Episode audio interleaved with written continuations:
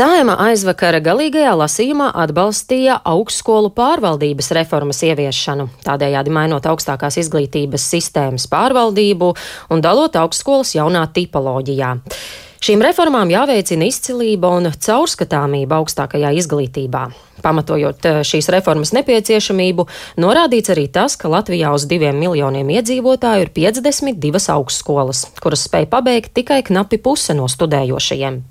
Vēl politiķus neapmierina augstskolu starptautiskā konkurētspēja un izglītības programmu kvalitāte.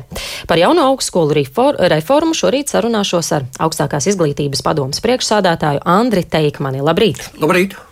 Teikmiņa kungs ir Latvijas radio studijā. Abi mēs esam vakcinējušies pret covid-19, tādēļ intervijas laikā maskas varam nelietot, bet eh, Latvijas radio joprojām ievēro visas epidemioloģiskās prasības.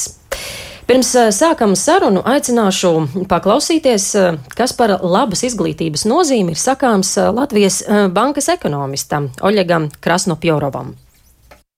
Jūs varat iedomāties, ka šobrīd Latvijā cilvēku skaits ar algu virs 4000 eiro ir lielāks nekā pirms krīzes, un tas tā ir arī privātajā sektorā. Un tas, manuprāt, izgaismo prasmju un kompetenci neatbilstības problēmu. Dažādu augstskolu absolventu alga atšķiras pat vairāk kā.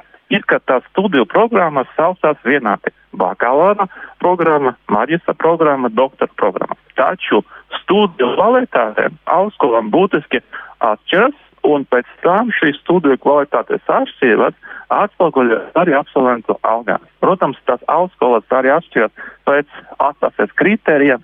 Mēs labi redzam, ka vidusskolēni ar izcilām eksāmenu rezultātiem izvēlas vienas augstskolas, savukārt vidusskolēni ar vājiem eksāmenu rezultātiem izvēlas pavisam citas augstskolas. Un tas, protams, arī ietekmē absolventu algu, un pēc tam mēs redzam, ka it kā alga aug, bet ne visiem. Vai varat eh, piekrist tikko dzirdētajam teikmeņa kungs? Es domāju, ka tā, tas ir diezgan dīvains komentārs, tāpēc, ka, ko teica bankas analītiķis, tāpēc, ka jomas, kurās šie absolventi sāk strādāt, ir ļoti atšķirīgas. Piemēram, cilvēks, kurš ir pabeidzis augst, iegūs augstāko izglītību pedagoģijas jomā, viņa alga ir atkarīga nevis no augstākās izglītības kvalitātes, kur viņš ir iegūst, bet no tā, kā pedagoģiskā darbs tiek finansēts valstī, tātad no tā, kāds ir skolotāja atalgojums. Bet kopumā izglītības kvalitātē pastāv šīs atšķirības un kvalitāte kā tāda būtu jāceļ? Protams, ka izglītības kvalitātē vienmēr būs pastāvēs, pastāvēs atšķirības, un, un tā būs jāceļ, būtu jāceļ un jāveicina, bet uh, ir ļoti dažādi instrumenti, kā to, kā to dara. Vai to varēs izdarīt uh, kontekstā ar šo augstskolu reformu, ko saimē atbalstījusi? Es domāju, ka tur ir tāds milzīgs pārpratums, un politiķi speciāli uh, varētu teikt, ka šo pārpratumu rada augstākās izglītības iestāžu iekšējās pārvaldības reforma nav tieši saistīta ar augstskolu kvalitātes vai, programmu kvalitātes paaugstināšanu. Augstākās izglītības pārvaldības reforma nodrošinās to, ka būs ārējie pārstāvi, kuri iegūs lēmēju tiesības, tiks izveidots padoms. Un, uh, šīs padomes faktiski val, citās valstīs tiek izveidotas, lai lemtu nevis par izglītības kvalitāti, nevis par pirmo vai otro misiju. Tātad pirmā misija - izglītības sniegšana, otrā misija - jaunu zināšanu iegūta pētniecībā, bet lielākoties padomas ir ienākušas pēdējos 30 gados augstākās izglītības iestādēs, lai īstenotu trešo misiju, zināšanu pārnest tautsēmniecībā, jaunu uzņēmumu dibināšana, investīcijas un, un virkni citu teiksim, aktivitāšu, kur šie arī eksperti varētu būt eh, kaut kādā ziņā noderīgi. Bet izglītības kvalitāti cilvēki, kur nekad nav strādājuši augstskolās, viņi tagad tiks eh, vairāk kā simts tādu cilvēku tiks rekrutēti Latvijā, viņi paliks par augstskolu padomus locekļiem. Kā viņi tieši varēs veicināt, ietekmēt vai, vai, vai miedarboties ar izglītības kvalitāti. Tas ir faktiski diezgan demagoģisks apgalvojums. Jā, nu tomēr Sēma šo augstskolu reformu ir atbalstījusi, uh, kā jūs vērtējat, uh, vai tika arī pietiekami diskutēts par iesniegtajiem priekšlikumiem, jo to bija diezgan daudz, 271? Nu, jā, tas uz trešo lasījumu bija 271, uz otro lasījumu bija pār pa 300, un, pie, un uz pirmo lasījumu lielākā daļa eksperta atzina, ka likums ir brāļs, kur vienkārši vajadzētu aizsūtīt atpakaļ izglītības zinātnes ministriju pārstrādāšanai. Daudz kas ir ticis uzlabots, bet virkne būtiskāko problēmu tā arī nav novērstas, un ja mēs raugamies uz to, kāda būs nākamā augstākās izglītības iestāžu iekšējā pārvaldība, tad tur ir neskaidrs šis te varas funkcija un balanss sadalījums ar augstskolu padomēm kuras lielākoties izveidos tātad ārpus augstskolām, ko augstskolas nevarēs kontrolēt, un augstskolas senātiem, kuriem tātad ir jāpliek atbildībā par akadēmiskiem jautājumiem. Augstskolas senāti ir tie, kuriem būtu jāatbild tātad tālāk par studiju kvalitāti, par pētniecības kvalitāti, bet senāti nekontrolēs investīcijas, nekontrolēs naudas plūsmu un resursus. To kontrolēs augstskolu padomus. Līdz ar to, nu, raugoties nu, tā, diezgan piesardzīgi, ir vairākas riska konflikta zonas, bet augstskolu likuma grozījumi nav paredzējuši šos konfliktu atrisināšanas mehānismus, atstājot to augstskolu ziņā. Tās augstskolām pašām būs jāiestrādā savās satversmēs. Un tur parādās vairākas problēmas no valsts iekārtas likuma pārvaldes viedokļa un tā tālāk. Tātad politiķi ir radījuši kaut ko, kas nav līdz galam izstrādāts, un to tagad pasniedz, pasniedz pretējā vai, vai atšķirīgā mērķē no tā, kam tas sākotnēji ir radīts. Bet varbūt eh, tad arī šis būs tas mehānisms, kā tad eh, piespiest kvalitāti uzlabot un strādāt tautsēmniecības labā. Uh, nu, manuprāt, manuprāt, tur parādās liela problēma jau pašā šajā mehānismu ieviešanas procesā, jo Tātad ir paredzēts, ka šīs padomas izveidos mazāko daļu, tātad pašas augstskolas izveidos šos padomus locekļus. Tad padomus locekļu otrā tietā pašu daļu atlasīs ministru kabinets un izšķirošo locekli atlasīs valsts prezidents. Bet tas, protams, ir pasaulē ir vērojama augstākās izglītības iestāžu profesionalizācijas tendences. Augstskolas paliek arvien sarežģītākas, komplicētākas. Ir grūti atrast profesionāļus ne tikai Latvijā, bet visur pasaulē, kas spēj izsakot vairākiem vienlaikus aspektiem. Bet mums būs šobrīd jāatrod apmēram 100 profesionāļi, kuri nekad nav bijuši saistīti ar augstākās izglītības iestādēm, kuri nav strādājuši to pārvaldes vai kādā citā struktūrās, un kuriem būs jāiekļaujas, jāorientējas, jānosaka mērķi, jā, jāmiedarbojas ar sistēmu. Es domāju, ka tuvākajā laikā mēs nevaram teikt, ka tas automātiski atspoguļosies studiju kvalitātes paaugstināšanā. Drīzāk virkni augstskola tas radīs papildus iekšējās pārvaldības, teiksim, te spriedzi vai izmaiņas. Nu, es negribētu, ka kādā izveidotos iekšējais konflikts, kas vienkārši bloķētu šīs augstskolas attīstību tālāk.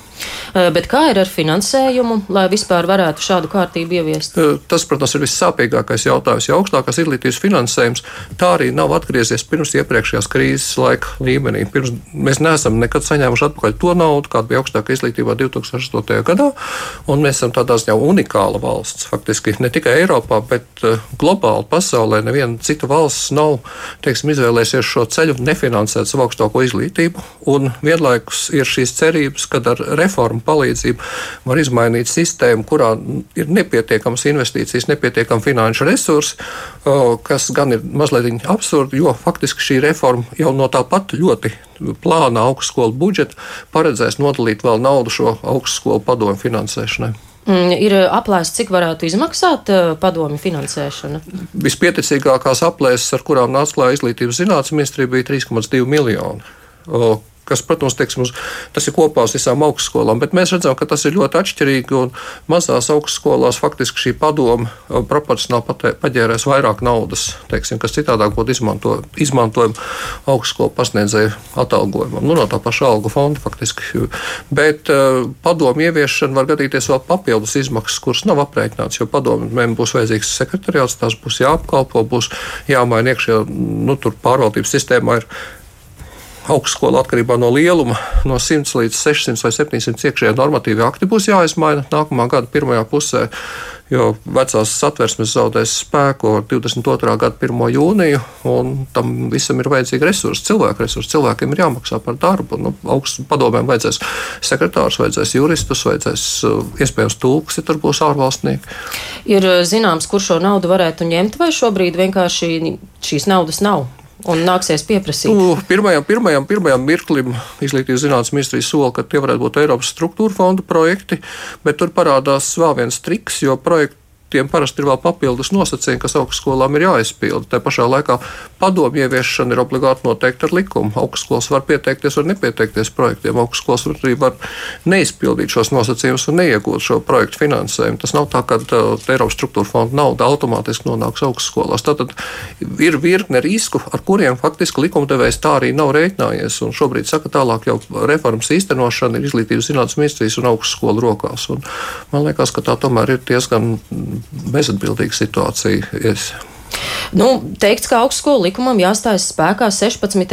augustā. Tātad jau septembrī sākoties mācību semestrim vajadzētu būt visām izmaiņām. Kā jūs redzat, vai ņemot vērā arī jūsu nostāktās bažas par finansējumu, izdosies to ieviest? Nu, izmaiņas ir pakāpeniskas. Līdz 30. septembrim ir jāizveido jaunie senāti, līdz 30. novembrim ir jāizveido jaunās augstskolu padomas. Ir brīdis, kad jaunie senāti no 30. septembra līdz 30. novembrim pilda arī tās funkcijas, kas ir augstskolu padomēm likumā, tāpēc ka augstskolām ir jāfunkcionē, tad 3. novembrī šīs funkcijas tiek pārņemtas.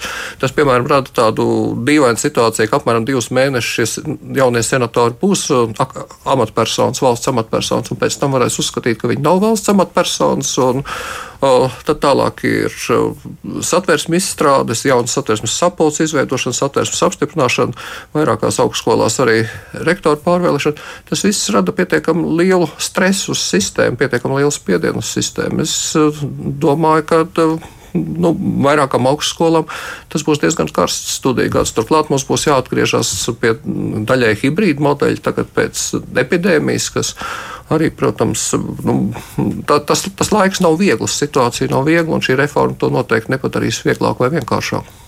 Mm, šīs reformas kontekstā ir jau arī runas par to, ka mums augstskola ir par daudzu šādu iedzīvotāju skaitu valstī, vai varētu samazināties to skaits?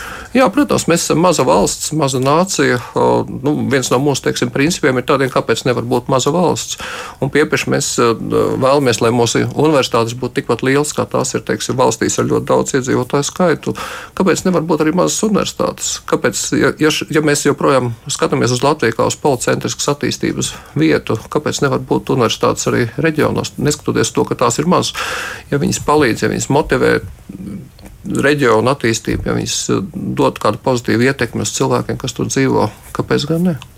Ņemot vērā šo pārvaldības maiņu, kā turpmāk raugoties, eh, cik liela teikšana būs pašiem studentiem, jo līdz šim viņi var veidot savas pašpārvaldes, iesaistīties procesos, eh, šī iespēja nepazudīs?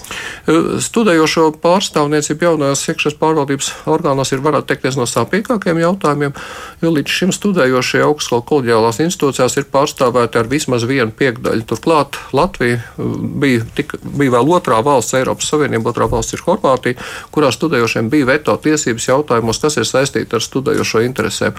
Jaunajās augstskolu padomēs studējošo pārstāvniecība nav nodrošināta. Tur viņi var piedalīties, skatīties vai, vai lūkoties, kā tas notiek, bet viņi nevar būt pārstāvēti tur tiešā veidā. Nu, ja viņas neievēl, protams, ministrija vai, vai augstskola, bet ņemot vērā locekļu skaitu, nu, mēs varam viegli iedomāties, ka tas arī varētu nenotikt. Līdz ar to faktiski studējošie ir lielākie zaudētāji. Un, nu, šajā situācijā man liekas, ka arī zināmā mērā politiķi izmantoja epidēmiju kā aizsegu savas reformas īstenošanai. Mēs esam iepriekš redzējuši, cik studenti ir bijuši aktīvi savu tiesību aizstāvībā, un ja nebūtu epidemioloģisko ierobežojumu, es domāju, mēs jau būtu pieredzējuši vismaz pāris lielas studējošo demonstrācijas Latvijā pret šo savu tiesību aizskārumu. Bet nu, politiķi izmantoja šo situāciju un ievies šo pārvaldības modeli jaunu. Proti, no nākamā semestrā varētu nebūt vairs studējošo pašpārvaldes vai ne? Pašpārvaldes, pašpārvaldes, sagla, ne, pašpārvaldes saglabājās, jā, pašpārvaldes saglabājās, studējošo pārstāvniecību saglabājās satversmes sapulcēs un senātos, bet uh, augstskolu padomēs viņi vai, nav pārstāvēti. Un augstskolu padomus paliek par tām, kas lem par virkni strateģisku būtisku teiksim, jautājumu. Tur ir uh, tāda mīksta atruna, ka tām ir jāsaskaņo teiksim, programmu slēgšanas vai kādi citi jautājumi ar studējošiem bet uh, nav teiksim, tas noteikts, ka šim saskaņojumam ir jābūt nu, tādam absolūtam, obligātam. Kaut ko padomus var izdarīt arī pretēji studējošo viedokli, tur celt studiju maksu vai kādus citus jautājumus. Un... Vai aizvien tiek uh, uzturēta ideja arī par to, ka augstākās izglītības padomi varētu likvidēt? Jā, protams, šādu viedokli uztur izglītības zinātnes ministrija, šādu viedokli uztur daļa no uh, politiķiem, kas ir saistīti ar, saprotu, jauno konservatīvo partiju. Citu partiju pārstāvi uzskata, ka padomu vajadzētu modificēt eh, citādākā veidā, bet eh, padomu līdz šim ir kalpojis, manuprāt, ļoti būtiski Latvijas augstākās izglītības sistēmā. Tajā pirmkārt ir pārstāvēts visas iesaistītās puses - darba ņēmēji, darba darba devēji, augstskolas pasniedzēji, studējošie. Nu, ir tāds pušu līdzsvars. Turklāt augstākās izglītības padome līdz šim ir darbojusies arī kā tāds lielisks buferis pret politisku voluntāriem lēmumiem, pret teiksim, ministriem, kur populistisku iemeslu dēļ teiksim, nu, lemj pārāk strauji mainīt izglītības sistēmu. Jo izglītības sistēma maina strauji, politiķi aiziet, bet viņa radītās sekas paliek un ietekmē sistēmu. Nu jā, par padomi noteikti vēl būs jāizšķiras, bet šorīt teikšu paldies jums par sarunu. Liel, Studijā bija jums, jā. Andris Teikmanis, augstākās izglītības padomas priekšsādātājs.